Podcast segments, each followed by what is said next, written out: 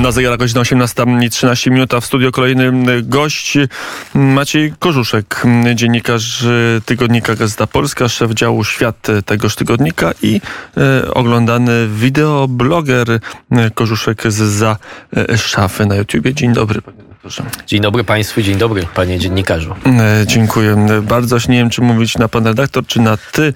Nie wiem, co jest bardziej taktowne, a co mniej. No ale dobrze, zadam Ci pierwsze pytanie. Joe Biden powoli się będzie wymeldowywał z Brukseli i jedzie do Warszawy. Czego się spodziewać po wizycie prezydenta Stanów Zjednoczonych? Znaczy ja osobiście nie robię sobie za dużych nadziei, dlatego że jakby taki mm, paradygmat postępowania tej administracji, który zobaczyliśmy do tej pory, raczej wskazuje na to, że Joe Biden jest konsekwentny, ale powolny, tak? Y, znaczy, rzeczywiście y, te decyzje, które, które podejmuje, trochę mu zajmują e, czasu. To już widzieliśmy przy okazji chociażby wycofania się mm, wojsk amerykańskich z Afganistanu. To taki no, jeden z najgorszych momentów tej prezydentury, kiedy rzeczywiście Joe Bidena po prostu nie było. I to oczywiście było bardzo mocno słusznie krytykowane. Teraz ta reakcja generalnie jest dobra, ale, ale spójrzmy chociażby na to, że na przykład y, to określenie tego, co się dzieje na Ukrainie jako y, zbrodni wojennej też Amerykanom y, trochę zajęło. Także ja myślę, że jest, kierunek jest nam znany, to znaczy, że to będzie się przesuwało w stronę wschodniej flanki wszystko, że Polska będzie wzmacniana, że inne państwa wschodniej flanki będą wzmacniane, ale to nie znaczy, że to się będzie działo szybko. E, jakie plany może mieć Joe Biden wobec Ukrainy?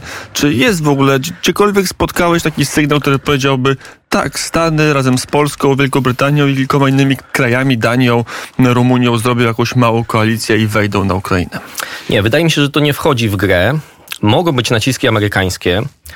E, żebyśmy my to zrobili, tak? To znaczy, bo z punktu widzenia NATO to się wydaje rzeczywiście sensowne rozwiązanie. Sztandar NATO nad tymi wojskami nie oznaczałby od razu uruchomienia w przypadku konfliktu takiej e, misji pokojowej, nazwijmy. Nie, nie byłoby w ogóle chyba sztandaru NATO. No, sztand NATO musiałoby podjąć decyzję jednomyślnie. No tak właśnie. Nie będzie, w ogóle nie będzie NATO. No tak, ale sztandar NATO i sztandar Stanów Zjednoczonych, choć nie są tym samym, jednocześnie są ze sobą w sensie siły militarnej utożsamione. Więc ja do pewnego stopnia rozumiem amerykańskich polityków, którzy mówią, że kraje regionu, czy Joe Bidena chociażby, właściwie nie mówią, ale w ich działaniach widać e, takie podejście, na przykład w przypadku tej słynnej nieszczęsnej historii z polskimi migami, tak, że Polacy by mogli je przekazać, my dajemy wam zielone światło. Słyszymy też ważne deklaracje, że nawet jeśli Polska zrobi coś takiego, co wyeskaluje ten konflikt z Rosją, to my i tak jesteśmy za waszymi plecami. Nie będzie takiej sytuacji, że my powiemy, Polacy, wyście tutaj rozpętali, prawda, jakieś piekiełko, to sobie sami z nim e, radźcie. Natomiast dla Amerykanów, no oni by nie chcieli e, tego robić, prawda?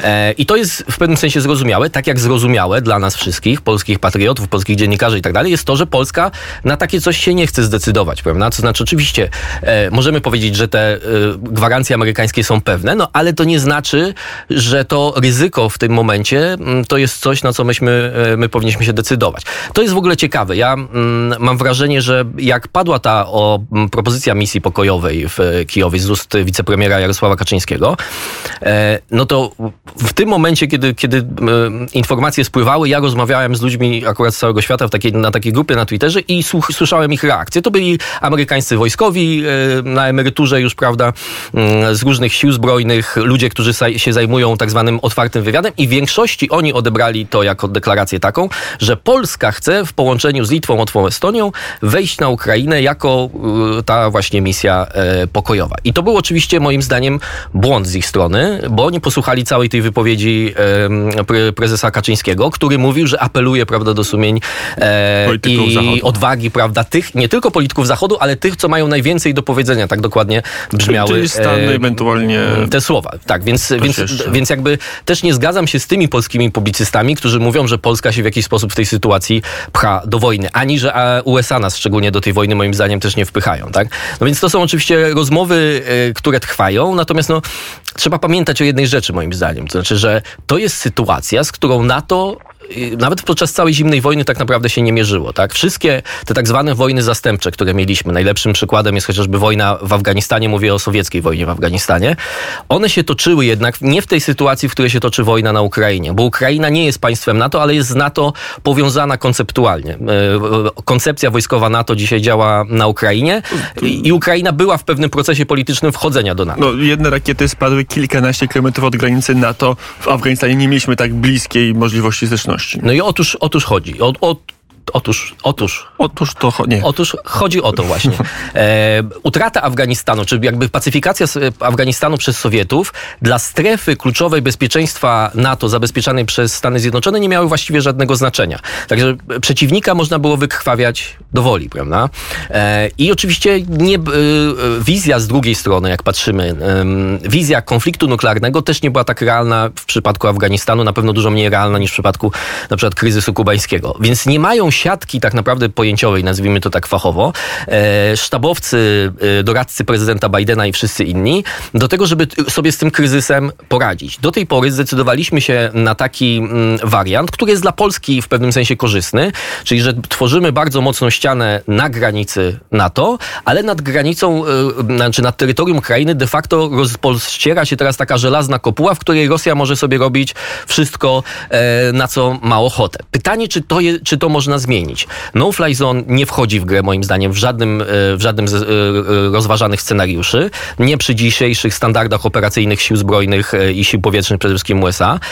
Ta misja pokojowa, no też pytanie. No wiadomo, nikt nie, na poważnie chyba nie mówi o misji pokojowej czy humanitarnej do Mariupola, lądowej, prawda? No bo to, to, to by było po prostu, to by była pełnoskalowa wojna wojsk NATO czy wojsk niektórych państw NATO z Rosją. Można by mówić o misji pokojowej na zachodniej Ukrainie, ale też nie spodziewam się, żebyśmy. E, jest też tutaj, że tak powiem, jest e, realny aspekt tego realny aspekt tego i tego, jak ta wojna przebiega na, na ziemi, tak? Znaczy na, na, na terytorium Ukrainy.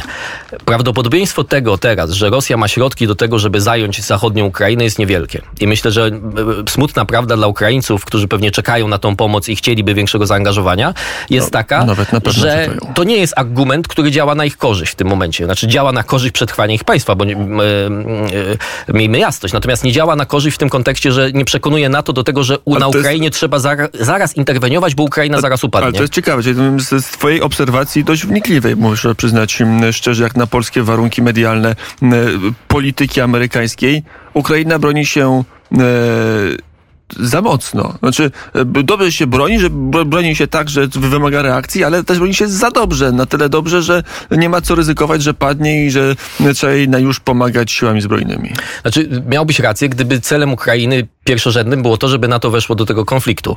A jednak celem pierwszorzędnym Ukrainy jest to, żeby się obronić. Więc to, że Ukraina się broni, no to jest dobrze. E, ale jako, jeszcze raz, jako argument NATO, tak? No bo jak, jak myśli sobie e, taka osoba, która dzisiaj patrzy na to? No można stawiać oczywiście ten argument, który stawia na przykład Jan Rokita, że jest szansa, mm, i podobnie mówi na przykład Krzysztof Wojczal, obrazowo, że jest szansa wybić zęby Rosji, tak? Czyli jakby za, ryzykując odrobinę, zapewnić sobie bezpieczeństwo, czy przynajmniej taki mm, rodzaj takiego... No w Waszyngtonie jak mogą myśleć, jakie są przesłuchy, że oni myślą, że nie trzeba się angażować, bo Rosja sama sobie wybije o Ukrainę zęby? Nie, no oni, moim zdaniem, mamy teraz połączenie, tak, bo jeszcze raz, e, w żadnym z tych konfliktów zastępczych, tych trzech, tak, czyli Wietnam, północna, znaczy wojna w Korei i e, inwazja sowiecka w Afganistanie, nie mieliśmy do takiego stopnia zaangażowania NATO, tak, to znaczy nie było takiej sytuacji, że państwa w otwarty sposób mówiły, wysyłamy tysiąc rakiet, wysyłamy e, sprzęt taki, tak, wysyłamy takie rzeczy, my wspieramy Ukrainę, Afganistan był wspierany, ale był wspierany głównie przez granicę oczywiście z Pakistanem i był wspierany e, w sposób głównie tajny. Tak? Przynajmniej Amerykanie starali się zachować tą tak zwaną zaprzeczalność, tak? Żeby móc, móc temu zaprzeczyć. Teraz jest inaczej, więc mamy taką hybrydę pomiędzy, jeżeli chodzi o podejście, bo odpowiadam na to pytanie, jakie jest podejście Waszyngtonu w zarządzaniu tym konfliktem, pomiędzy takim wykrwawianiem dosyć cynicznym dla kogoś e, przeciwnika, który ugrzązł, prawda, w, konflikcie, który sam wywołał, e, a jednak dążeniem do pokonania tego przeciwnika i wspierania swojego przynajmniej przynajmniej relatywnego sojusznika, prawda? E, no bo te działania są otwarte, mamy działania polityczne, mamy sankcje. W przypadku Afganistanu takich sankcji praktycznie w ogóle nie było, w przypadku 2014 roku też ich nie było. Ale nie jesteśmy jeszcze po prostu na etapie, że, mm, że ci, którzy podejmują te decyzje, mają w swojej głowie taką rachubę, że jeżeli nie zatrzymamy tego na Ukrainie, to za chwilę będziemy musieli bronić państwa e, NATO. A wiadomo, że to jest po pierwsze o wiele będzie bardziej kosztowne, a po drugie to będzie precedens, który będzie katastrofą dla każdego amerykańskiego prezydenta, który w tym czasie jest w Białym Domu, tak? Bo NATO nigdy nie zostało zaatakowane, tak? I to jest, e, i to jest ta ściana. Tylko oczywiście pamiętajmy, uzasadniając to myślenie prezydenta Joe Bidena, że NATO w przeciwieństwie do takich organizacji jest jak ONZ, e, które mówi, że na, na, całym świecie zaprowadzi pokój. Oczywiście ja mówię tak e, w populistycznej trochę wersji. To NATO jasno określało zawsze swoje granice, prawda? Czyli innymi słowy, sukces NATO także zawdzięczało temu, że był, było tak. Ja zawsze powtarzam to, tak? My Polacy tego doświadczyliśmy. Tak w 81 roku, czy gdy mordowano e, robotników, prawda, na wybrzeżu, NATO czy państwa Zachodu stały i się przyglądały temu i powiedziały, że nic nie mogą z tym zrobić, ale ostatecznie to ta strategia NATO okazała się skuteczna, bo Związek Sowiecki się rozpadł po wielu latach, prawda? Więc, więc no, z takimi rachubami dzisiaj mamy do czynienia i, e, i jakby no, dużym moim zdaniem błędem, który my popełniamy, George Friedman powiedział kiedyś, że Polacy powinni przestać, patrząc w lustro, widzieć albo ofiarę gestapo, albo ofiarę NKWD. Jak patrzę na polską debatę, dzisiaj to właśnie widzę te dwa podejścia. Znaczy ci, którzy widzą w sobie ofiarę gestapo, myślą cały czas o zdradzie września, o Jałcie i tak dalej, i tak dalej, a ci, którzy widzą ofiarę NKWD, z kolei postrzegają mm, ten konflikt, który przypomina trochę zimną wojnę, w kategoriach bardziej jednak moralnych. To znaczy tak jak myśmy postrzegali, że Rosję trzeba uderzyć, że Rosję trzeba unieszkodliwić, bo, bo my tutaj cierpimy. No, prawda jest taka, no, brutalna, że my nie cierpimy, prawda? E, oczywiście ponosimy olbrzymie koszty, no ale one są nieporównywalne z tymi, które e, ponosi dzielna mm, Ukraina, więc my powinniśmy też trochę zmienić swoją perspektywę. E, no i tak, e, tak to wygląda. Jakie będą te zapowiedzi? E, zobaczymy, ale tak jak powiedziałem na początku samym, wydaje mi się, że my będziemy obserwowali raczej proces.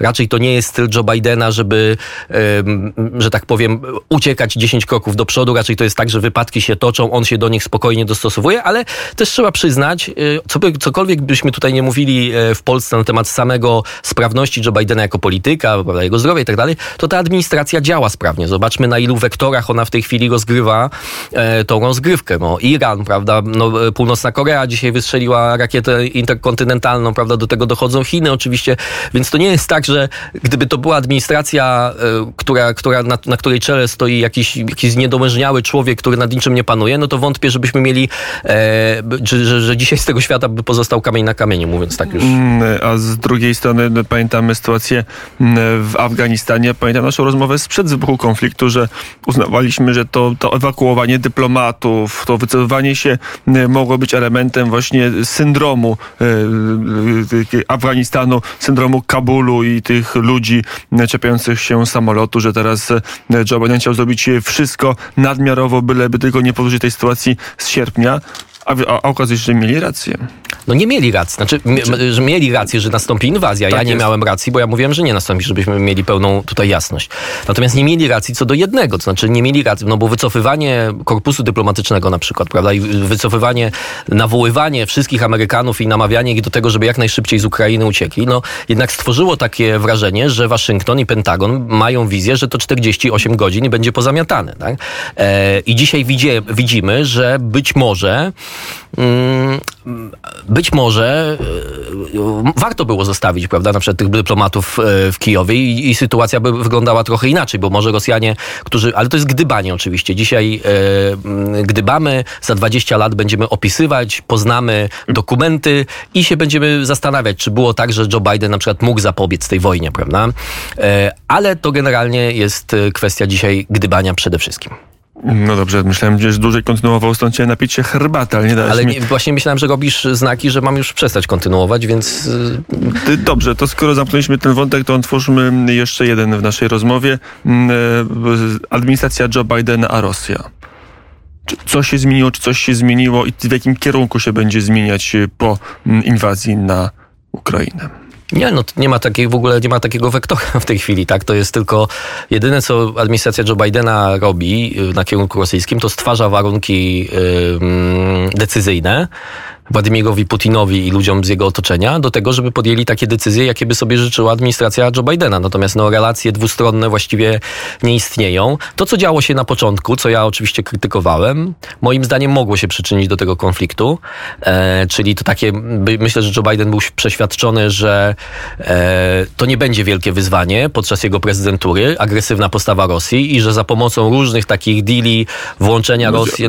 O to mi chodzi, że jakby inne miał wyobrażenie Rosji Joe Biden Biden na początku swojej kadencji, a chyba inne ma, ma teraz i w jakim kierunku to, mm, e, to ewoluuje.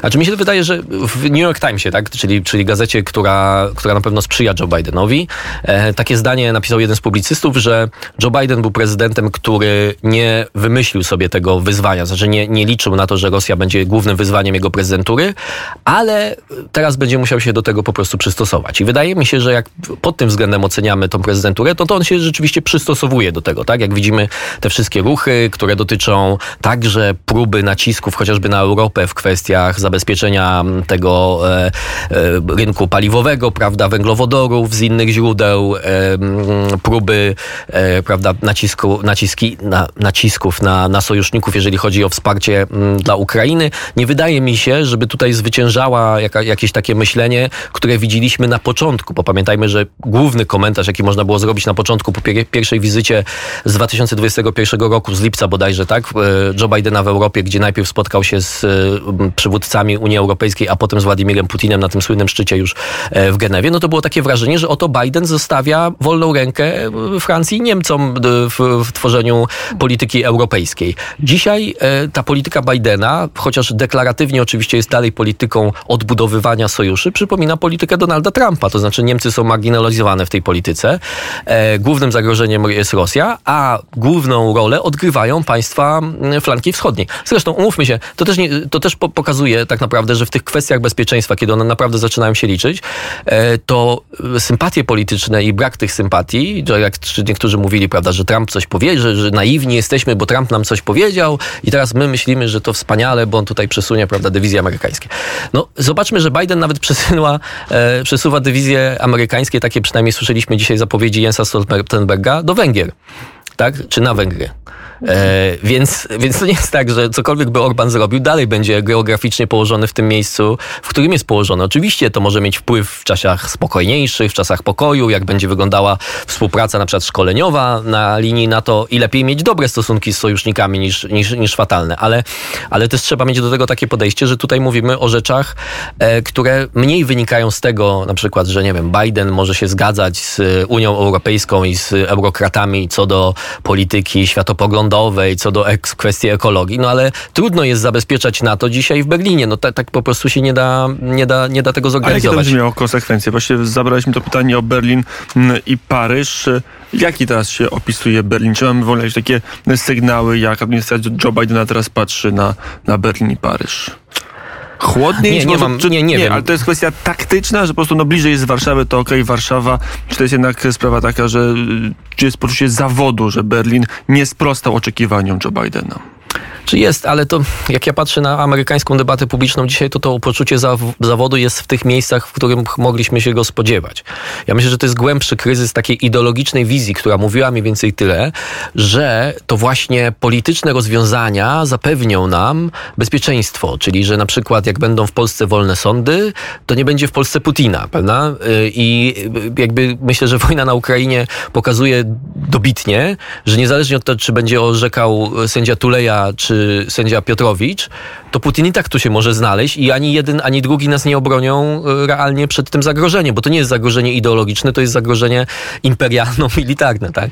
Więc, e, więc, więc myślę, że ta wizja taka właśnie ta, którą Unia Europejska próbowała budować, że nie będzie bezpieczeństwa bez e, praworządności na przykład, prawda? Ja nie mówię, że praworządność nie jest ważna, ale, ale czy, czy bez transformacji energetycznej, ona przeżywa kryzys. Joe Biden też do pewnego stopnia był jej e, e, promotorem, prawda? No, pamiętajmy, że Lloyd Austin, z tego się prawica w Stanach Zjednoczonych bardzo mocno śmiała i bardzo mocno ją to irytowało, no wprowadzał w tej armii amerykańskiej te różne rozwiązania, że różnorodność jest naszą mocną stroną i tak dalej, tylko że prawda jest taka, że no, to były wstępne etapy i ta armia amerykańska wydaje mi się jest dużo silniejsza niż, niż, niż szczególnie biorąc pod uwagę, jak w polu sprawdza się armia dzisiaj e, rosyjska, tak? Natomiast no, no to, są, to są ciekawe, e, e, ciekawe elementy tego, jak się będzie zmieniała ta polityka, prawda? Bo, bo umówmy się też, że polityka na prawicy też będzie musiała się bardzo zmienić, jeżeli przynajmniej będzie miała być konsekwentna, bo niektórym się wydawało, że i w Stanach Zjednoczonych są tacy, którzy do, do dzisiaj sądzą, że Władimir Putin jest prześladowany przez NATO i globalistów,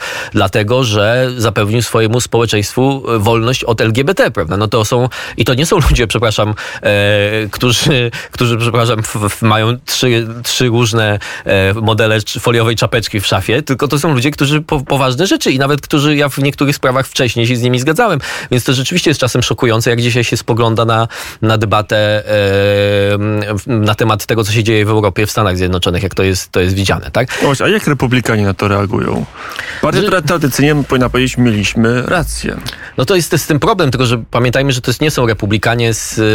E, Lat 80, ja Nawet nie, to nie są republikanie nawet z 2012 roku, tak? Ja często przypominam tę, tę słynną debatę pomiędzy Mittem Romneyem a Barackiem Obamą, prawda? Jak Mitt Romney mówił, że Rosja jest największym geopolitycznym zagrożeniem, a Barack Obama mówił wtedy lata 80. dzwonią do ciebie i są swoją politykę zagraniczną z powrotem, tak?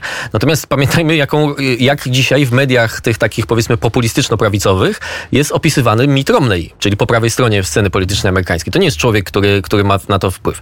Generalnie dla wszystkich, którzy chcieliby e, krótką piłkę ode mnie, to tak, to zasada taka prosta, taki papierek lakmusowy. Jeżeli zwolennicy Trumpa po ostatnich wyborach kogoś e, nazywali Rino, czyli e, republikanin name only, czyli republikanin tylko z nazwy, to możemy z dużą dozą prawdopodobieństwa zakładać, że ta osoba ma racjonalne podejście do konfliktu na Ukrainie. Taki jest mniej więcej, taki jest mniej więcej podział.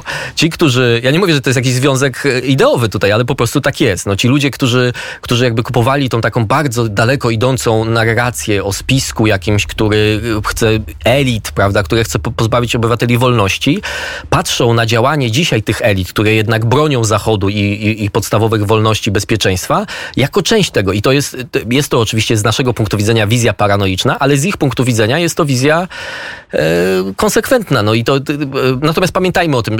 Spójrzmy na na przykład ko, przedstawicieli republikanów w kongresie. Tak? Majorie Taylor Green to jest jedna pani, która tak naprawdę można ją spokojnie zapisać do obozu rosyjskiego bez, bez żadnych e, problemów. Tucker Carlson, główny, główna twarz Foxa, największa oglądalność, ale to nie, też nie jest tak, że jakbyśmy wzięli z kolei ilu tych w Foxie jest zwolennikami e, Rosji, no to tak nie jest. Tak? Jest tam część takich izolacjonistów trochę, bo wiadomo, że populizm zawsze z, z izolacjonizmem w Stanach Zjednoczonych w jednym e, spały domu. Więc, więc tak, no, no sytuacja, sytuacja nie jest prosta, e, ale z drugiej strony, no tak, no tak, tak na to patrzymy. No, to jakby mamy, ponieważ mamy e, powrót do zimnej wojny, to my z Polski, ja też to sam tego doświadczam, będąc, zajmując się tą polityką amerykańską um, cały czas, że trochę zmieniły mi się e, optyka. To znaczy patrzę na to właśnie pod kątem nie tego, jak, czy ktoś jest przeciw LGBT, czy za LGBT na przykład, prawda?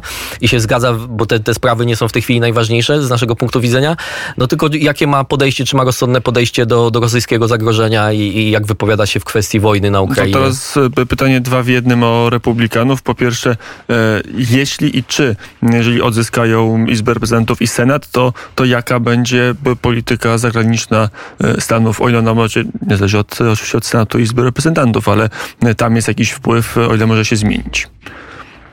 E, to wszystko oczywiście będzie zależało od tego, jak głęboko będzie przeorany na poziomie tych primaries tak zwanych, czyli tych prawyborów w partii, e, głównie korpus w Izbie Reprezentantów Republikańskich, tak? Bo tam Trump będzie pewnie działał, no i no niestety przy samym sympatii i niesympatii, niezależnie od tego do Trumpa, raczej z nim będą związane te osoby, o które my z naszego punktu widzenia, jeżeli chodzi o kwestie bezpieczeństwa, powinniśmy się obawiać. Chociaż są przykłady już takich, którzy na początku e, wygłaszali głupoty na temat wojny na Ukrainie, ale potem się trochę ogarnęli, prawda? Więc, więc y, to, jest, y, to jest tak. Ja bym raczej był, y, był że tak powiem, ostrożnie optymistą w tej kwestii. To znaczy, jeżeli ten Senat będzie republikański, to moim zdaniem, znaczy Senat i, Izba Reprezentantów, to uważam, że on będzie wywierał raczej taką rolę nie hamującą na Joe Bidena, tylko wręcz będzie krok przed nim, tak? W kwestii, tak jak teraz de facto jest kongres także, że, że raczej kongres chce więcej robić na Ukrainie niż jest na to w na razie zdecydowany Joe Biden. Mm, I gotowa. No to jest druga część pytania, czy będzie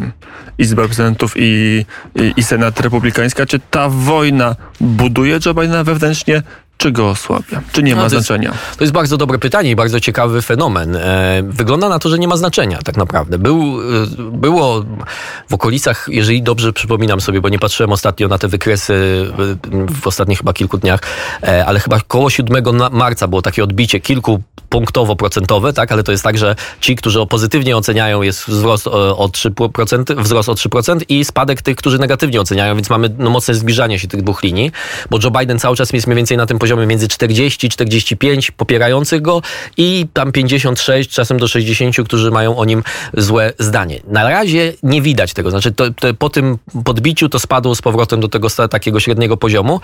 E, no ale pytanie jest też takie, jak w, tej, w tym środowisku, niezależnie od poparcia samego Joe Bidena, prowadzić kampanię wyborczą, tak? Bo e, republikanie, szczególnie ci tacy bardziej tradycyjni, mają tutaj problem, no bo nie można tak mówić, że wszystko idzie, e, w, prawda, tak, bo taka była narracja, prawda, że, że fatalne zarządzanie COVID-em, inflacja i tak dalej, i tak dalej, no bo w pewnym momencie, jeśli państwo, no nie prowadzą Stany Zjednoczone wojny, to, to co do tego nie ma wątpliwości, ale są stroną w, w konflikcie, prawda, e, geopolitycznym, e, to pod, pod, e, część wyborców, takich nastawionych konserwatywnie, na podważanie jakości państwa, władz i tak dalej, może zareagować tak, że stwierdzi, że no, to, to jest nieodpowiedzialne działanie. Tak więc tutaj, no a z kolei, no prawda, Joe Biden, no, czy, czy myślę, że teraz sztabowcy republikańscy się zastanawiają, czy dać Joe Bidenowi do, darmowy bilet, czy to się opłaca, czy nie, no bo mają mnóstwo amunicji zgromadzonej przez ten pierwszy ponad rok prezydentury, którą mogliby wykorzystać od szkolnictwa, poprzez te plany wydatkowe, prawda, po właśnie e, galopującą e, inflację i, i, mnóstwo innych rzeczy, które na pewno e, opinię publiczną, szczególnie po prawej stronie, mocno grzeją e, i to by było dla nich złoto i wtedy jakby jeszcze niedawno mówiłem, że jest pewne zwycięstwo republikanów. Teraz myślę też, że jest prawdopodobne, no bo tak jak powiedziałem, nie ma nic, co by e, sprawiło, żeby te, ta karta się odwróciła, ale to będzie trudniejsze w sensie takiego budowania narracji tego zwycięstwa. To jest, to jest bardzo ciekawe. To na koniec, czy Joe Biden polubił Andrzeja Dudę, tak samo jak lubił go Donald Trump? No, nie wiem tego. Nie wiem, nie wiem tego. E, myślę, że polubił. Tak, tak. Myślę, że polubił. Ja myślę, że, że przede wszystkim to jest e, nieważne. Tak? To, tak jak powiedziałem wcześniej, sympatie i antypatie to się liczy jakby to, w którym miejscu jesteśmy i do czego e, my potrzebujemy Stanów Zjednoczonych i do czego Stany Zjednoczone potrzebują nas. Pamiętajmy, że Polska nie tylko chodzi o to, że jest na wschodniej flance, ale no bez Polski bez współpracy też polskich władz, tak, no to, to nie ukrywajmy tego, nie byłoby y, olbrzymiej operacji logistycznej, która pewnie za kilkanaście lat się przekonamy. Wziąłeś pytanie literalnie, ono było szersze, tak, no oglądasz CNN, ja też czasami, ale z rzadka, Polska, dwa miliony uchodźców, tak. E, kraj otwartych serc te, te, te, i tak dalej, i tak dalej. E, no to już jest inna Polska niż Polska e, faszystowskiego PiSu 23 lutego. No tak, no to jakbym powiedział, zalaliśmy ich dobrocią. No już nie mają, nie, nie, mają, nie mają teraz wyjścia i muszą nas kochać. No taka jest, taka jest prawda. No, tak, jak, jak Polska się okazała takim, takim krajem, który po prostu zawsze był, y, dziewczyna mówiła nie, nie, nie, a my podjedź drzwi, podjedź drzwi, podjedź drzwi. W końcu przyszliśmy raz razem z, dwu, z dwoma. Żartuję, oczywiście to nie są rzeczy, o których można żartować, w sensie to nie, jest, nie, nie traktujemy tego instrumentalnie, no ale ciężko w tej... Obserwowaliśmy obydwaj próby, mm. prawda, że pojechali ci reporterzy na tą granicę, znaleźli kogoś bardziej może ciemnoskórego, kto może miał coś smutnego do no, powiedzenia. BBC tutaj e, taki, tak, tak. Ale, ale potem nagle wszyscy się zaczęli wycofywać z tego rakiem, no bo to jest fala po prostu, której się nie da e, powstrzymać w tym momencie, już nie mówiąc o tym, co powiedziałem wcześniej. Do tego też dochodzi, że nie można Polski w tym momencie lekceważyć, no bo po prostu bez Polski nie ma bezpieczeństwa NATO w tym momencie, tak. Czyli jak rozumiem, pan ambasador Brzeziński i administracja Joe Bidena, bo o tym rozmawiałem z profesorem Chwedorukiem, zanim tutaj przyszedłeś do naszego studia przed wiadomościami, nie będą już bardzo grały na to, żeby mieć lepszą, milszą, bardziej tęczową władzę w Warszawie może długoterminowo będą, ale ja nie wiem też, czy, czy to jest y, sprawiedliwa ocena, że to Amerykanie tak mocno grali na zmianę władzy w Polsce. Tego mówiąc szczerze, nie wiem. Tak? By, byli na pewno, chcieli, e, stawiali w sposób dla wielu w Polsce niesmaczny e, i to jeszcze przecież miało miejsce za prezydenturę Donalda Trumpa i kiedy ambasadorem była Georgette Mosbacher, e, stawiali bardzo mocno swoje interesy. Tak, czasami niesmacznie. Natomiast, natomiast nie wiem, czy to można porównywać z tym, z tym z i tak szeroko i daleko działaniami, które prowadzi przeciwko Polsce e, Komisja Europejska i oczywiście Berlin. Tak? No to, to są chyba trochę inne kategorie. To jeszcze zakończmy cytatem dzisiejszego na antenie w tym popołudniowym paśmie dzisiejszym poruszałem, czyli tą Mosbacher, która mówi, że kwestia praworządności czy kłopotów praworządności w Polsce to jest rosyjska propaganda. To już taki daleko posunięty wniosek. No ja wiem, no, to, to, to, bierzmy... To gdzieś się pojawia w elitach waszyngtońskich, że czy to jest po prostu od, odosobniony głos jednej, e, jednej pani? Nie, nie mam pojęcia, zadajesz mi pytanie tak jakbym ja po prostu ze wszystkimi tam chodził.